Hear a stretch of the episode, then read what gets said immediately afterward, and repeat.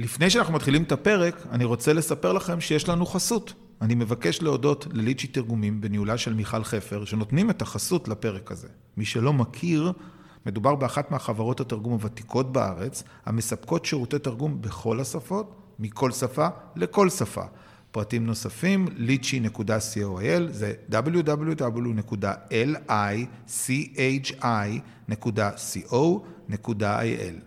יאללה, מתחילים.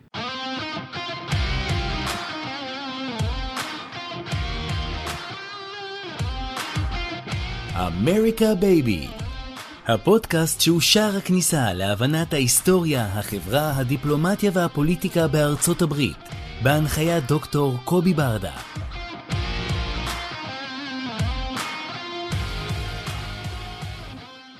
שלום וברוכים לעוד פרק של אמריקה בייבי. היום יש לנו את הכבוד והעונג לארח את עידו זליקוביץ', מרצה בכיר וראש חטיבת לימודי המזרח תיכון במכללה האקדמית עמק יזרעאל.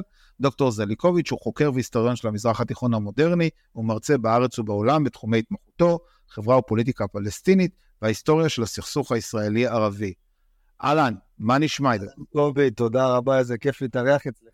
כיף גדול לארח אותך בנושא שהוא אולי הנושא הכי רלוונטי לימינו אנו.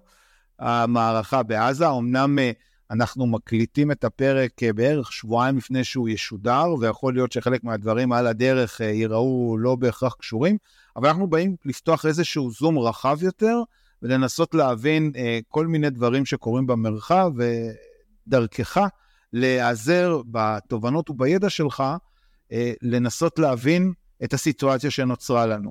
אז כמו שאני מבקש מכל המומחים שלי, תן לי כמה דקות של היסטוריה של תנועת החמאס, מי זאת תנועת החמאס, מה זה אמנת החמאס, מה היא רוצה לעשות לנו, ומה היא רוצה לחפש במרחב, ומה היא רציונלית, או קוקוריקו, או, או דתית, או פונדמנטליסטית, או הכל, מה שאתה יכול לתת בכמה דקות, למי שלא מכיר את תנועת החמאס. ככה, על רגל אחת, כמו שאומרים, תנועת החמאס היא למעשה הסניף הפלסטיני של תנועת האחים המוסלמים, היא מבטאת איזושהי התעוררות דתית עם גוון לאומי שחלה בחברה הפלסטינית, אה, ואני חושב שראשיתה כבר בסוף שנות ה-60 אחרי מלחמת ששת הימים. חמאס קמה כתנועה עם האינתיפאדה הראשונה שפרצה בסוף דצמבר, יותר נכון אה, בסוף 1987, דצמבר 1987, 9 בדצמבר 1987, אם אנחנו מתעקשים על התאריך המדויק, ולמעשה היא התנועה הצעירה ביותר בקשת הרחבה של מפלגות פוליטיות וארגוני טרור בתנועה הלאומית הפלסטינית. ואני בכוונה מתעקש לקרוא לה גם תנועה פוליטית וגם ארגון טרור, כי למעשה לחמאס יש את שני הכובעים הללו, והיא חובשת אותם בעת ובעונה אחת.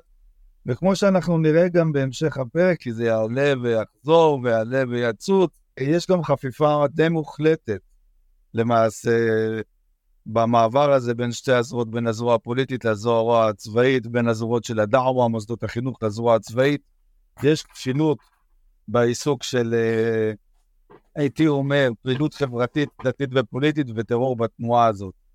אה, חמאס למעשה, כמו שאמרתי, היא ביטוי של אה, תורת האחים המוסלמים בגרסתה הפלסטינית, ולמעשה מי שבאמת רוצה להבין את התנועה צריך ללכת ולקרוא מה לעשות, אנחנו היסטוריונים את המקורות הראשונים ואת המסמכים המכוננים של התנועה הפוליטית הזאת. בראש ובראשונה אני מדבר על אמנת חמאס מ-1988, שם למעשה חמאס מגדירה את חזון, את, חז... את חזונה הפוליטי. למעשה חמאס מדברת בצורה ברורה וחד משמעית על הצורך בהקמת מדינה פלסטינית בעלת גוון אסלאמי, וזהו חסונה הפוליטי, שיהווה למעשה, המהלך הזה יהווה צעד ראשון בדרך לכינונה של חליפות אסלאמית. וזו נקודה שמאוד מאוד חשוב להבין, בעיקר על רקע כל מה שאנחנו ראינו מאז השבעה באוקטובר. כי למעשה מבחינת חמאס כתנועה האסלאמיסטית בעלת תפיסת עולם פונדמנטליסטית, הרעיון של מדינה פלסטינית זה אך ורק צעד אחד ראשון קטן אפילו אם תרצו, למרות שזה נראה כצעד גדול, בדרך למימוש החזון הרחב ביותר של כינון חליפות, מדינה אסלאמית. ובנקודה הזאת גם נערך או ממוקם המפגש הרעיוני בין חמאס לארגונים פונדמנטליסטים אחרים כמו דאעש או אל-קאעידה, אם כי כמובן יש ביניהם גם מחלוקות תיאולוגיות ופוליטיות רבות ואחרות, כמו כל שאלת הגישה והפרשנות לסוגיה הלאומית ולרעיון הלאומי, שנדחה כליל, נדחה באופן מוחלט על ידי אה, דאעש ועל ידי אה, אל-קאעידה. אה, המסמך של אה, חמאס, האמנה מ-1988 בעיניי, זהו המסמך המכונן, זה למעשה הבסיס להבין את הרציונל של התנועה הזאת. מי שקורא את המסמך גם יראה שכמעט כל סעיף פוליטי, כמעט כל סעיף, ובטוח שכל הסעיפים החשובים, למעשה מסתיימים באיזשהו פסוק מהקוראן או אמירה מהחדיף, התורה שבעל פה, שמקנה גם למסמך הזה מעין איזשהו מימד של קדושה.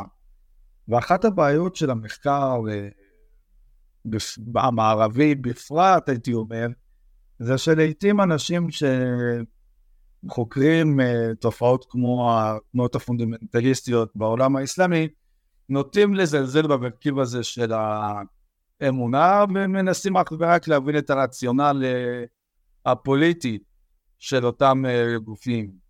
אני יכול לומר בתור חוקר שאוהב לצאת uh, מהספרייה, הוא מכיר ככה את השטח גם בצורה טובה מאוד, לא רוצה להגיד אינטימית, כי אני לא יודע איך זה יתפרש, שככל שאתה יורד למטה, כמו בימי הלשכה המדינית של חמאס, לרמת הפעילים בשטח, אנשי הדעווה, וכמובן אה, הפעילים אה, הפוליטיים ואנשי הזרוע הצבאית, ורואים את הדברים האלה גם בצורה מאוד מאוד יפה בפורומים, ברשתות החברתיות, שאלה המקומות שמחליפים היום בין היתר את אה, כיכר העיר ואת בתי הקפה, שם האמירות הדתיות האלה, שם כל התפיסה הדתית, שם הציטוטים הללו מהקוראן, זוכים למעשה למשנה תוקף.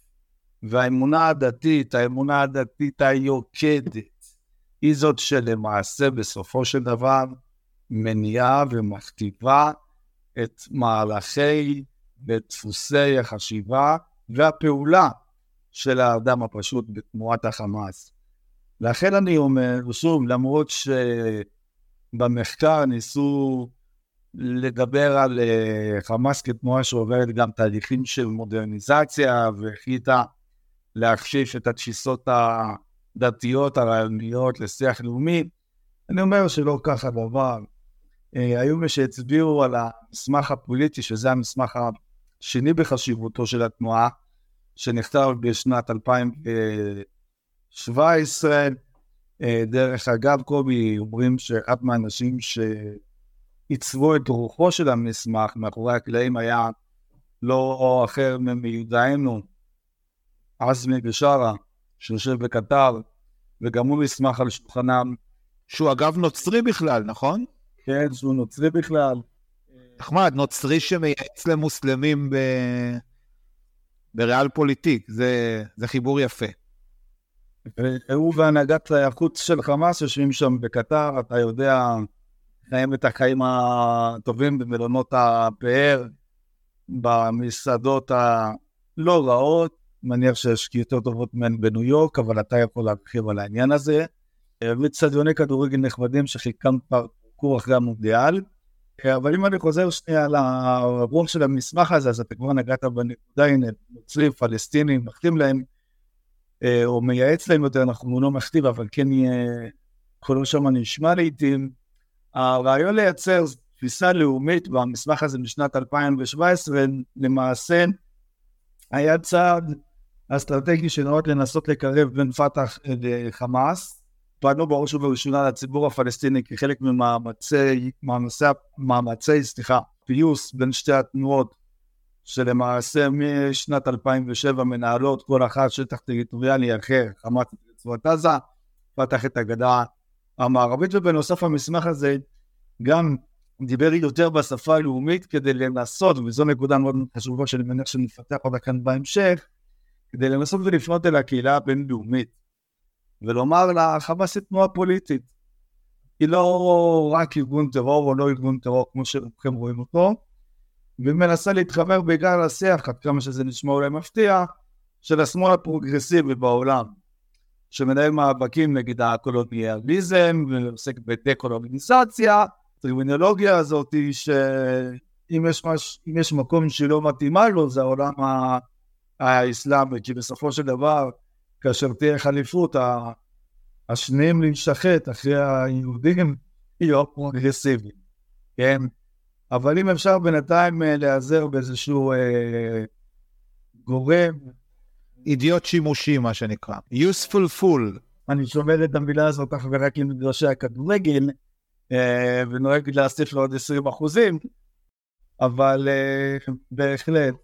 המסמך מ-2017 לדעתי הוא היה סוג של ניסוי וטעייה, הוא היה מהלך פוליטי ציני שנעשה אד הוק בהתאם לרוח התקופה, והפעיל בשטח, ובטח ובטח יש הנוח'בה, או הפעיל בגדודי זעדין אל-קסאם, לא מייחס למסמך הזה שום אה, חשיבות, ובטח שהוא לא, לא אה, שווה במשקלו הסגולי מבחינה פוליטית, לאמנה שאותה את רוחה, את הציטטות מהקוראן ואת החדיסים שכתובים בה, מלמדים בפרשנות רדיקלית גם בקורסים אה, של ההכשרה הצבאית שעובר פעיל חמאס. כלומר, החינוך הדתי, הדאווה, וזה כבר אותם החיבורים שדיברתי עליהם בפתיח, הדאווה, התפיסות של חינוך דתי, הם חלק מעולם התוכן של הפעיל, הפעיל הצבאי. זאת חמאס על uh, רגל אחת, והתנועה הזאת עברה גלגול אה, מספר גלגולים מאז 1988 ועד היום. הנקודה הראשונה שבה היא חובה טלטלה משמעותית זה המעבר משלטון אבי מייסד אחמד יאסין שחוסל על ידי ישראל אי שם סוף 2004, תחילת 2005. חמאס אה, עוברת למעשה בהדרגה משלטון של שליט יחיד שהוא היה גם אוטוריטה דתית, מנהיג אה, רוחני אה, לשלטון הפוליטיקאים, וכמו שאנחנו יודעים, הפוליטיקאים בדרך כלל תמיד משוחררים יותר מהכבלים התיאולוגיים והרבה יותר רציניים.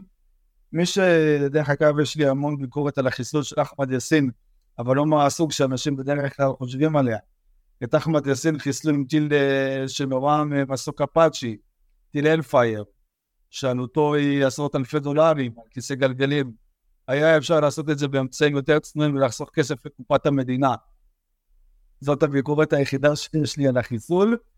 אה, ירש את, אה, ירש את מקומו של שייח' יאסין, אה, דוקטור עבד אל-עזיז רנטיסי, שלא הספיק ליהנות יותר מדי זמן מהמשרה המכובדת בחוסל, גם כן אחרי זמן קצר. החיסול של רנטיסי למעשה הוא מאוד מאוד חשוב בהתפתחות האבולוציה הפוליטית של הארגון, כי אותו את מקומו תפס מיודענו חאלד משעל, שם יורשה לי, אני חייב לומר שהוא פוליטיקאי מצוין.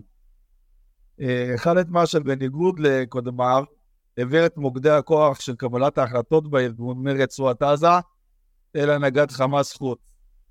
וחאלד משעל הוא אדם מאוד מאוד כריזמטי, הוא איש שלא ניתן להתעלם מהנוכחות שלו. הוא פוליטיקאי עם חושים מאוד מאוד חדים. ובחזון שלו, בתוכניות שלו, הוא שואף להיות הרבה יותר ממנהיג חמאס. כרגע את מקומו תפס אחרי בחירות פנימיות אסמאעיל הנייה, אבל חאלד משעל הוא יושב שם בחוץ, מנהל את האופרציה, ולדעתי, כפי שאני קורא את המפה, הוא חושב על היום של אחרי, והוא רואה את עצמו כאחד מהמועמדים הלגיטימיים. בעיני עצמו לרשת את אבו מאזן כמנהיג התנועה הלאומית הפלסטינית, אה, כי חמאס בחזון שלה, וגם כצעד אולי בתוכנית הגדולה, אה, בדרך להגשמת חזון החליפות, הם צריכים להקים קודם כל מדינה פלסטינית, מדינה אסלאמית, הצעד לשם עובר דרך השתלטות על מוסדות אש"ף, על מנגנוני אש"ף, ולשם ח'אלד משעל להערכתי מכוון כבר מספר שנים, ולכן חמאס בנתה בשנים האחרונות תשתית מאוד מאוד רחבה גם אה, בחוץ, באירופה, במדינות ערב, גם בארצות הברית כמובן מתחת לרדאר, כי הארגון הזה גם באירופה וגם... קר, ארגון של האחים המוסלמים, קר. בדיוק, אז הם פועלים דרך תשתיות של האחים המוסלמים, אבל שום קובי, אתה יודע, אתה נמצא בסן פרנסיסקו, זה מקום מאוד מאוד מאוד נחמד, אבל אתה פוגש שם איזה איש, חבר בתנועת האחים המוסלמים, שואל אותו, מדבוין אסלק, הוא אומר לך פלסטיני, אתה צריך לעשות אחד ועוד אחד, זה הכל. אין איש תנועת האחים המוסלמים בחוץ לארץ שהוא פלסטיני, והוא לא מזדהה עם חמאס. אוקיי, אז קיבלנו איזושהי היסטוריה יפה על, על מהי חמאס, מה השורשים, מה התנועה שלה. לפני שנעבור לסכסוך הנוכחי, אה, הייתי רוצה, אם אתה יכול ככה בקצרה, להסביר לנו, אתה יודע, באמת בנאצ'ל, מה ההבדלים בינם לבין אה, הפת"ח, כי אה, אנחנו נפגוש את זה בשאלה, אחרי השאלה הזאתי, שתתייחס לעניין היום שאחרי. אז uh, באמת בקליפת אגוז,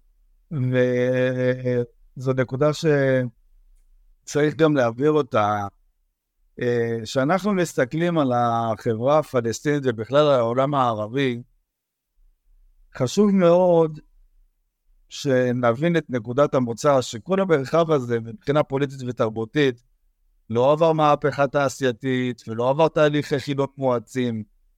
ולמעשה עבור האדם הפשוט ברחוב, הזאת הבסיסית, קודם כל, הינה על הציר של בין ערביות ואסלאמיות. זאת אומרת, קובי, ילד פלסטיני שגדל בג'נין, וילד ערבי, מצרי שגדל בקהיר, לפני שהם יודעים שהם פלסטינים או מצרים, הם קודם כל שומעים את המואזין, קורא להם להתפלל חמש, כן, אה, חמש פעמים ביום, והמרחב הדתי נוכח מאוד בתוך המרחב הציבורי.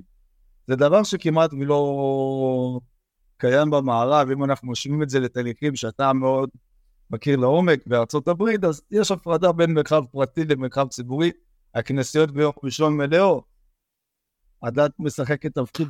תלוי איפה, לא, לא בכל ארצות הברית, אבל כן, העיקרון מובן. בדרום בהחלט, כן. בבייבל בל. ואפילו הנדולר שכולם אוהבים אותו, גם בצפון וגם בדרום. In God we trust, נכון. גם היהודים יכולים להזדהות עם זה. כולם, כולם. אז מה שאני אומר, זה שהדת משחקת תפקיד מאוד מאוד מרכזית במרחב הציבורי, ושאתה מסתכל גם על הגרעין המייסד של תנועת הפת"ח, אה, וכתבתי על זה ספר שלם, אה, על המקום של הדת, של האסלאם, בהיסטוריה ובפרקטיקה החברתית של אה, התנועה, סלח לי שאני עושה קידום מכירות הדין לא אגרסיבי על הדרך, אז אנחנו רואים שהאבות המייסדים של תנועת הפת"ח, כולם, מיאסר ערפאת, דרומה, דרך אגב, גם כולל אבו מאזן, הם צמחו בתנועת האחים המוסלמים או הושפעו ממנה. הם עשו את השינוי התודעתי, התפיסתי, וזה ההבדל המהותי בין פת"ח לחמאס, ממש בקליפת אגוז ובמשפט ורבע, שפת"ח בא ואומרת את הדבר הבא: אל-דין לילlah ואל-ארד ללג'מיע. הדת לאלוהים והאדמה שייכת לכולם, בבני אדם. ואילו החמאס, סיסמתה היא, אל-אסלאם הוא אל-חל, האסלאם הוא הפתרון. לכן השאלה היא פה איפה המינון בין אסלאם ולאומיות. פתח בא ואומרת, הלאומיות הפלסטינית נמצאת מעל הכל, והאסלאם הוא חלק אינטגרלי ממנה, חלק חשוב ממנה. האסלאם הוא עמוד השדרה שלה, אבל הלאומיות מעל הכל, לכן אתה יכול למצוא גם נוצרים בפתח, אתה יכול למצוא גם חבר'ה עם תפיסת עולם קצת יותר ליברלית, אתה תמצא המון מוסלמים ליברליים. בחמאס, אתה יודע, האסלאם הוא הפתרון. פשוט מאוד, ערכים המוסלמים קלאסי. ואז בעצם, בגדול, אם אנחנו מנסים לזהות את הקו ההבדל ביניהם, מה שאתה אומר, זה החלוקה הקלאסית, אם תרצה, בין לאומיות לדתיות. אחת, כל כולה מושקעת בדתיות, והשנייה מנסה לתמהל בין לאומיות לזה. תוך כדי שהיא מקנה גם לעניין הלאומי גבת דתי. יש את זה, היה נגיד נכנס איזה קצין מגייס של הפתח, הוא מחנה בריטים של לחמון, הוא אומר לחבר'ה לשבת, מי רוצה להילחם למען אללה ספדה. יאללה חבר'ה, בואו נעשה ג'יהאד, אבל לא אין פה, לא אין וואסן. אה, זאת אומרת, פה נצא במלחמת הקודש למעננה והמולדת. לעומת זאת, בתקופה ההיא חזיתות השמאל, באו, אתה יודע, כניסות מרקסיסטיות, פרוגרסיביות, הציבור לא התחבר לזה. פלא. לא אז ולא היום יותר מדי, אבל זה... סמיר ג'אג'ה, נכון? בלבנון. לא, סמיר ג'אג'ה הוא שייך ל-20, הוא לא... הוא לא פלסטיני, היה לנו את אה, ג'ורג' חבש. ג'ורג' חבש, כן, נכון. כן, סליחה. והיה לנו דרך אגב עוד מקרה מעניין זו החזית הדמוקרטית לשחרור פלסטין, שמי שהוביל אותה זה נייף חוואטמה, שהוא נוצרי ירדני, לא פלסטיני, שהקים תנועה בעלת גוון פלסטיני, אה, אבל אתה מוצא גם נוצרים בפת"ח, שוב, בשוליים, אה, החברה הפלסטינית כמובן, אם אנחנו מסתכלים גם על הנתונים, 98 אחוזים מהם, קובי, ברצועת עזה המוסלמים, היום אפילו יותר ב-98.9, ובגדה המערבית מעל 90 אחוזים, 92 93 אחוזים מוסלמים. זו חברה עם רוב הגמוני מוחלט של מוסלמים, לכן לא פלא שהאסלאם הוא חלק מה... מהשיח. אבל חמאס בניגוד לפתח אומרת, המדינה היא תהיה מדינת הלכה, מדינת שריעה. ההלכה צריכה לשלוט במדינה. ואחד הדברים שהם עשו, אנחנו דיברנו על המעבר הבין-דורי בתוך חמאס, שחאלד משעל אה, תפס את המושכות, הוא בניגוד לשחסין רצה להיכנס למרחב הפוליטי הפלסטיני, והוא עשה את זאת גם בצורה שלבית, תוך כדי שהוא בודק את הלך הרוח ברחוב. ושייח' יאסין שוב יאמר לזכותו, היה אדם שדבק בתיאולוגיה שלו. בצורה הכי ברורה, הוא אמר, אם אני נכנס למערכת הפוליטית ברשות הפלסטינית, אני מכיר בישראל דה פקטו, כי הרשות הפלסטינית קרה כתוצאה מהסכם בין ישראל ואש"ף. ולכן הוא לא אפשר לחמאס להיכנס פנימה ולקחת חלק בבחירות לפרלמנט. עד שנת 2005, שאז חאלד משעל עשה מהלך דו-שלבי. בשלב הראשון אפשר לחבר'ה שלו להיכנס לבחירות למועצות המקומיות, לעיריות וכיוצא בכך, תוך כדי תואנה, דרך אגב בדיוק כמו שהפלג האסלאמי הצפוני במדינת ישראל עושה. עושה, עשה, אתה באמת שואל, כן? עשה ולדעתי עדיין גם עושה, למרות שהוציא אותו מחוץ לחוק. הוא נתן הוראה לחבר'ה שלו כן להתמודד בבחירות למקומ... על המועצות המקומיות מנהליות ולא לארצי, מתוך הבנה שאתה חייב לדאוג לקהילה שלך, מבלי להתעסק עם הסמלים הלאומיים.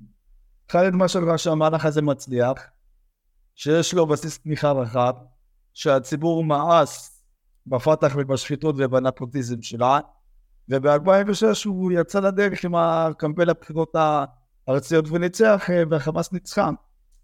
מפה התחיל העסק להסתבר, ובינואר 2007, אחרי חצי שנה של יכולת של הצדדים להגיע להסכמות בממשלת אחדות שקרסה, חמאס השתלטה בכוח הזרוע על רצועת עזה, זרקה משם את רצועת הפתח, זרקה משם את תנועת הפתח, ליטרלי זרקה אותה.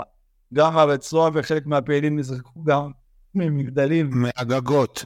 מהגגות, קומות, אה, תלוי חלק, אה, אתה יודע, בניינים יותר נוחים, קומות רביעית, קומה רביעית, חמישית, אבל ראיתי גם קומה 13 ו-14, אה, ואתה יודע, כשראיתי את סרטוני הזוועה של השבעה באוקטובר, שאני מניח שאתה כבר עוד מעט רוצה לדבר איתי על מה, מה, כמה, למה ואיך, זה הזכיר לי את סרטוני הזוועה שראיתי בזמנו כחוקר, כאשר חמאס השתלטה על הרצועה.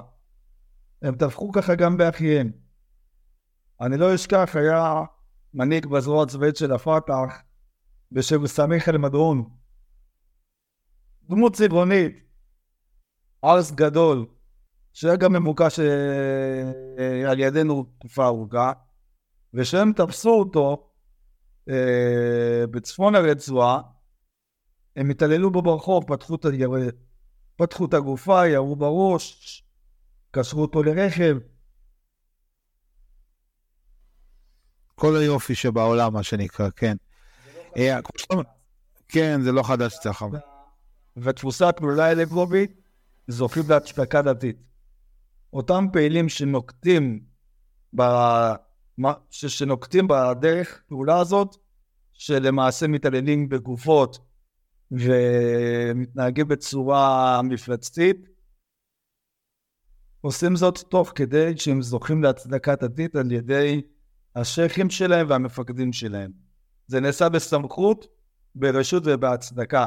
וזו נקודה שצריך להבין כאשר אנחנו מדברים על, על חמאס ועל הרוע הצהוב שקיים בה.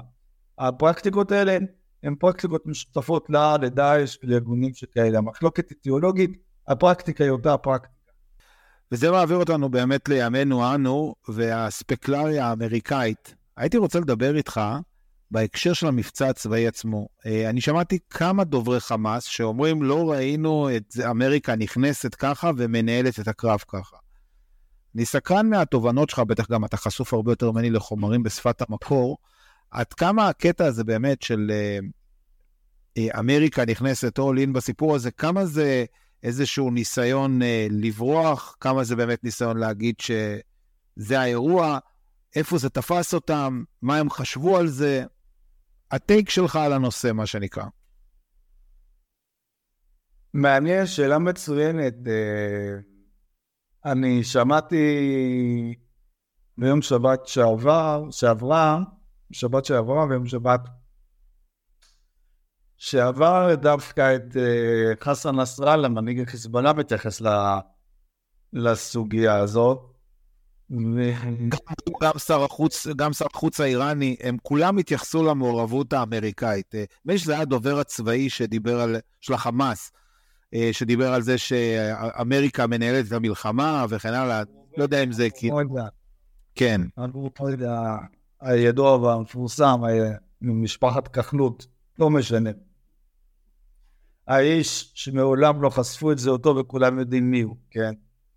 אה, חלק מהמיתוסים האלה שקמ"ס מייצרת, אבל אני הייתי אומר ככה, זה שיח שכל הציר הזה מנסה לקדם אותו על מנת לנסות ולעודד את הפעילים שלהם ולצייר את מדינת ישראל כמדינה חלשה, כמדינה שנחלשה וכמדינה שהם באמת מאמינים בזה. אלה רעיונות שמעוגנים אצלם בספרות המשיחית שהם מפיצים בקרב פעילים, שעתידה הוא גם להיעלם, להיעלם בפח הזבל של ההיסטוריה, כך הם קוראים לזה. מוסתקבל ישראלי לזוואר, תיעלם כן, ותימחם על פני האדמה, תלך לעזאזל כזה. הם רואים למעשה את המעורבות האמריקאית כגורם שמצביע על החולשה הישראלית, והם רואים למעשה גם את המעורבות הזאת כהוכחה לחלק מהדברים שהם כותבים ומדברים עליהם מצא אה, עשרים שנה מאז שחמאס אה, הוקמה למעשה, אה, לפני יותר מעשרים שנה. הם רואים בתנועה הציונית קובי נטע זר. אנחנו הצלב, עושים הבחנה בין ציונות לבין יהדות. אנחנו הציונים למעשה, לפי שיטתם, נציגים של הקולוניאליזם העולמי. אנחנו המשרתים של האימפריאליזם. אנחנו סוכנים, סוכנים רשעים של האימפריאליזם העולמי, אין לנו כאן שורשים. אנחנו נשלחנו לכאן מכל קצוות העולם, בעיקר מאירופה, בגלל החיבור לקולוניאליזם, על מנת לנשל את הילידים, כן? זו השפעה קצת מהשיח הפרוגרסיבי-קולוניאלי מאדמותיהם. אנחנו גם uh, סוכני, uh, מה שנקרא בשפה הסוציולוגית אג'נסי, כן? Uh, סוכנים של uh, תרבות זרה, שמנסה גם מצד אחד לעשות כאן איזה סוג של ייחוס תרבותי לחלק מה... אה, שלהם, אבל בגדול לכפות את תרבות המערב על האזור. ופה פתאום, כאשר ארה"ב נכנסה, והאמת, אני לא זוכר את ארה"ב באמת מעורבת באופן כל כך ישיר, ויאמר גם לזכותו של הנשיא ביידן, שמעבר למילים היפות, הוא הגיע לכאן בזמן אה, אמת, ולפי מה שאני יודע גם אה, יש, אה, ש...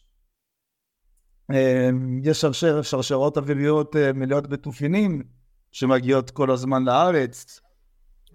צוותים טקטיים שמוכנים להיכנס לחלץ את, ה, את השבויים, אה, יש... אה, כן. אז צוותים טקטיים אני האמת לא יודע, אני שמעתי את... לא, לא, זה, זה ניתן בתדריך של דובר הפנטגון, שזה קיים, ואם יהיה צורך לעשות בהם שימוש בכוח, יהיה שימוש בכוח. זאת אומרת, זה משהו שהוא common knowledge, מה שנקרא. לגבי חטופים אמריקאים. כן, בוודאי, התפקיד שלהם זה לחלץ את החלוצים, שזה אגב אחד הדברים שאני לא מסוגל להבין, למה החמאס לא מוריד את הקוף הזה מהגב, פשוט משחרר את ה-22 חטופים אמריקאים האלה ומוריד את האירוע הזה, שזה בפני עצמו אני לא מבין, אבל מצד שני, היי, אה, אני לא יושב בבור שם, מתחת לבית חולים בשיפא. תראה, הנושא של חטופים בכלל זה עכשיו הנכס היחידי החרוץ שנשאר כרגע לחמאס, התפקיד שלהם הוא לעכב עד כמה שאפשר אה, את המהלך הצבאי הישראלי, את התמרון, עד שהוא יגיע לנקודה של אה, הכרעה. לכן יחיא סנוואר לא ממהר לשחרר אה, אף חטוף שיש לו ערך ולאמריקאים יש ערך עליון. זאת אומרת, כל עוד הוא מחזיק בחטופים אמריקאים, יש לו גם איזשהו מנוף שהוא יכול להפעיל לחץ על הממשל, כן, על מנת שהממשל האמריקאי ינסה לעצור את ישראל, לעכב אותה, לאפשר את הכנסת הדלק והסולר לרצון, שזה באמת מה שכרגע מטריד את איקיה סינואר, בלי הסולר כל המערכי ההגנה ומערכי ההתקפה הרקטים של חמאס לא עובדים וכיוצא בכך. אז, אז לכן הוא לא ממהר להשיג את הקוף הזה מהגב, ולדעתי הוא ישחרר בטיפין טיפין, לאט לאט. אה, וגם כאשר באמת לא תהיה לו, לא תהיה לו ברירה, המעורבות האמריקאית מבחינתם, שוב, כמו שאמרתי, היא, היא משרתת את הרעיון הזה של ישראל כענף אה, מהגזע של הקולוניאליזם העולמי וכישות שלא עומדת בפני עצמה. אה, לכן חייב אפילו קרא לסינואר, גם כדי להצביע על החולשה, לנסראללה יש את התיאוריית קורי העכביש, אז חמאס אוהבים לקרוא לנו דאולת עוראק, מדינת נייר. וזה מביא אותי, אגב, אה, ישירות לשאלה האחרונה שלנו, כי אנחנו כבר אה, עברנו את הזמן שלנו. מה לדעתך יהיה הפתרון אה, ביום שאחרי? אני אציע את הפתרון שאני חושב אה, שיהיה, או יותר נכון, את שתי האפשרויות שאני חושב שיכולות להיות, ואשמח לשמוע... ש... אז עזוב, עוד לפני שהצעת, אני אומר לך, אני... לא, תחליט איזה מהם, כן? אבל uh, פתרון אחד uh, מדבר בעצם על נושא של בינאום האזור והעברה שלו לניהול של מצרים עם סעודיה, כחלק מחתימה על הסכם שלום מיד בסוף המלחמה הזאת. Uh, והאופציה השנייה מדברת על uh, מעורבות של הרשות עם, נראה לי, כן, uh, החזרה של דחלן ש, שצמח בעזה ו, ולתת לו איזשהו סוג של... Start כדי אה, לנהל את המקום שם ביום שאחרי, ועמדת זינוק ל, ליום שגם אחרי אבו מאזן. אלה נראות, נראות בעיניי שתי החלופות הכי הגיוניות. אשמח לשמוע מה אתה חושב על זה. תרחישים מגה סבירים, אה, אני טיפה אפתח אותם, ברשותך, ואני אומר גם את הדבר הבא, קובי, עם יד על הלב, תראי, אני מתלמידיו של אהרון הכהן. אני שייך לאסכולה של בקש שלום ורדפהו, אבל אני לא נאיבי. אה, ולפעמים גם צריך לעצור את המרדף אחרי השלום ולסכל ולחסל את כל מה שלא מאפשר לך לחיות בשלום, כי אנחנו גם צריכים להיות בשלום עצמנו. כשאני מסתכל נכוחה על המצב כרגע, אני חייב לומר לך שמקבלי ההחלטות במדינת ישראל יצטרכו לבחור בין האופציה הגרועה לאופציה הגרועה ביותר. נתחיל עם האופציה הגרועה ביותר, אני אתן שלושה וחצי תרחישים. האופציה הגרועה ביותר זה ישראל יוצאת באופן חד צדדי, אחרי שהיא מכה אנושות בחמאס, משאירה מאחורי הוואקום, ואז מה שיכול להתרחש בוואקום זה צמיחה של כל מיני שליטים מקומיים, ראשי שבטים, תקיפים מקומיים, אולי חמאס מוחלש, ולמודל הזה אפשר לקרוא מודל הסומן. הוא לא יתרחש כי מדינת לא יצא באופן חד צדדי בלי, שלא, בלי שיש איזה מנגנון מפקח. אבן קסיידן, עבור לאופציה פחות גבוהה שאתה נקעת בה. היא משלבת לדעתי גם בין בינום הסכסוך לבין הצורך הפלסטיני לממשל עצמאי. אה, מדינת ישראל קודם כל חייבת, לפני שאנחנו מדברים על פתרון מדיני, להבטיח לה שני דברים ביטחוניים שהתקיימו, להבטיח שני אלמנטים ביטחוניים שהתקיימו בכל תרחיש פוליטי. ובלי הבטחת שני האלמנטים הללו, לא תהיה באמת התקדמות מהותית במשא ומתן. האלמנט הראשון זה פירוז מוחלט של הרצועה מיכולות של ירי רקטי, והאלמנט השני זה מתן האפשרות לצה"ל לשלוט ביטחונית בשטח, במודל של הגדה המערבית, כלומר להיכנס ולצאת ולעצור ולחסל ולפגוע בכל תשתית טרור לפני, אה, לפי הצורך שלהם. מודל אזור B כאילו, לצורך העניין. שטחי B. אני שם לי בחוץ אל הפנים, זאת אומרת השליטה היא במקרו, ואתה נכנס ויוצא מהחוץ. עכשיו זה יכול להתקיים גם עם, עם בינאום מסוים של הסכסוך. בואו נלך לתרחיש הכי רציונלי, כי בסוף הפלסטינים רוצים לשלוט בעצמם על חייהם, ומדינת ישראל מחפשת מישהו שישלוט שם, אנחנו לא רוצים לקחת את מודת השליטה הישירה על חייהם של יותר משני מיליון אה, אזרחים, בני אדם, ולכן הרשות הפלסטינית, במידה ותעבור רפורמות, וצריך להבין, הרשות הפלסטינית של היום, בסוף עידן אבו מאזן היא מאוד חלשה. איך אמר לי פעם חבר פלסטיני בנימת אה, הומור, היום אבו מאזן בקושי שולט על מה שקורה 500 מטר מהמוקטעה. אז הרשות הפלסטינית צריכה גם כן לערוך תשובה של, של רפורמות, אבל בוא נגיד, אבו מאזן, מי שיבוא אחריו ייכנס פנימה, דרך אגב, זה לא... מבחינת השיווק הפוליטי של הרעיון, החמאס איתן שהם נכנסים על כיווני הצבא הישראלי, דבר שיכניס אותם פנימה בדה-לגיטימציה מאוד חזקה. הם צריכים לשווק את עצמם כמי שבאים למעשה לבנות מחדש את הרצועה אחרי ההרס שחמאס השית עליה. הייתי אומר שכניסה של הרשות לא יכולה להיות באופן עצמאי, אלא היא חייבת להיות מלווה במנגנון בינלאומי, שכולל כוח צבאי משמעותי, ולא משהו מגוחך כמו החבר'ה שיהיו בפנים בדרום לבנון, אלא כוח נאט"ו. חיילים נפאלים. אה, לא נפאלים ולא... אה, סרי לנקים. יפים כאילו סרי לנקה כאלה, שהם נחמדים מאוד, אבל לא מועילים. משהו, אני מדבר על כוח צבאי קומי בדמות של כוח נאט"ו שהיה בעיראק או באפגניסטן, בהובלה אמריקאית, שמצד אחד ילווה את הרשות הפלסטינית הצעירה, שזה אתה תיכנס לרצועה ויעזור לה לבנות מחדש את מוסדות המדינה שלה, וגם לשלוט בביטחון הפנים, ומצד שני גם לעבוד בתיאום מלא בשקיפות אה, איתנו, תוך כדי הבטחת האינטרסים שלנו, ואיתה גם לזוז הצידה ולשתות כוס תה שאנחנו ניכנס פנימה לצרכים שלנו. אה, כל כניסה של הרשות הפלסטינית או גוף אחר לתוך רצועת עזה יהיה מלווה במנגנונים בינלאומיים. זה יהיה תהליך הדרגתי, אם תרצה תהליך שבריטי, שייקח שנים, זה לא יקרה בלילה, עד אשר הכוח המקומי יוכל לתפקד. במידה וזו לא תהיה הרשות, זה יכול להיות מוחמד דחלן שאתה הזכרת אותו מקודם. דחלן הוא שחקן אה, פוליטי מקובל על ידי המצרים, וזו נקודה מאוד מאוד חשובה. המצרים דרך אגב דוחים בכל סט ממש בסט נפש הם דוחים אה, כל וכל את, את האפשרות לחזור לרצועה ולנהל שם את חיי היום יום.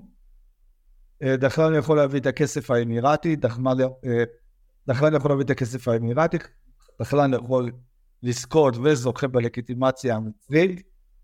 דחלן הוא מה שנקרא אבן אל-בלאט, הוא גדל במחנה הפליטים חאן יונס, דרך אגב, שכן שלו היה יחיא סינואר, שניים אה, מכירים מילדות. שיחקו סטנגה. שיחקו סטנגה בספשעות של מחנה הפליטים ח'אן יונס. אני מקווה שבקרוב חיילינו ישחקו שם סטנגה וישמידו את מה שצריך להשמיד. עוד אה, בבית של סינואר כבר לא נשאר כלום, כן? דרך אגב, כל המוקדים רעיונים שהפיצו טרור ברצועת עזה כבר גם כן נפלו, כולל האוניברסיטה האסלאמית של עזה, ששירתה את חמאס רעיונית, תיאולוגית אה, וגם מדעית, אם תרצה. המהנדסים שם בפקולטה להנדסה אה, לא למדו כדי לעבוד בחברות בנייה. חלקם כן. אבל אני חוזר שנייה לעניין הזה, אז דחלן יכול להיות באמת אותו אדם שיהווה חלק משלב הביניים. אם זה בתיאום עם הרשות הפלסטינית, כמו שאמרת, אז התרחיש הזה הוא עוד יותר חזק, כי הרשות הפלסטינית צריכה מישהו שינהל שם את הרצועה עבורה, ועבורו זה יכולה להיות גם הקפצה לכס הנשיאות ביום של אחרי אבו מאזן, למרות ששוב, איך אמר לי פעם חבר ברמאללה מהרשות, העזתי הזה והעזתים בכלל, עשיתי, איך אומר לי, לא יכול להיות נשיא הרשות. אתה יודע, כמו שאומרים אצלנו על uh, כל מיני כאלה וכאלה. טוב, תשמע, היה מרתק, תודה רבה על הזמן, היה ממש ממש מעניין. ואולי כשנראה לקראת אה, איפה מתקדם הסיפור הזה ומה האמריקאים מנסים לכוון לנו שאחרי, ננסה לעשות עוד איזשהו פרק, להבין מכאן לאן, כשאנחנו מבינים טוב יותר את הסיטואציה שנוצרה. רציתי להודות לך על הזמן ועל התובנות המרתקות שלך. תודה. תודה רבה שהאזנתם לפרק הזה. אתם יכולים למצוא אותנו בכל האפליקציות של הפודקאסטים, דוגמת ספוטיפיי, אפל, גוגל פודקאסט ועוד. ושוב, המון תודה לליצ'י תרגומים בהנהלת מיכל חפר, בית לשירותי תרגום בכל השפות על חסותם לפרק זה, שניתן למצוא באתר lichy.coil, זה www.lichi.co.il. תודה מיוחדת לחברת הפודקסייה בניהולו של שלום סיונוב על הפקת הפודקאסט הזה. נתראה בפרק הבא.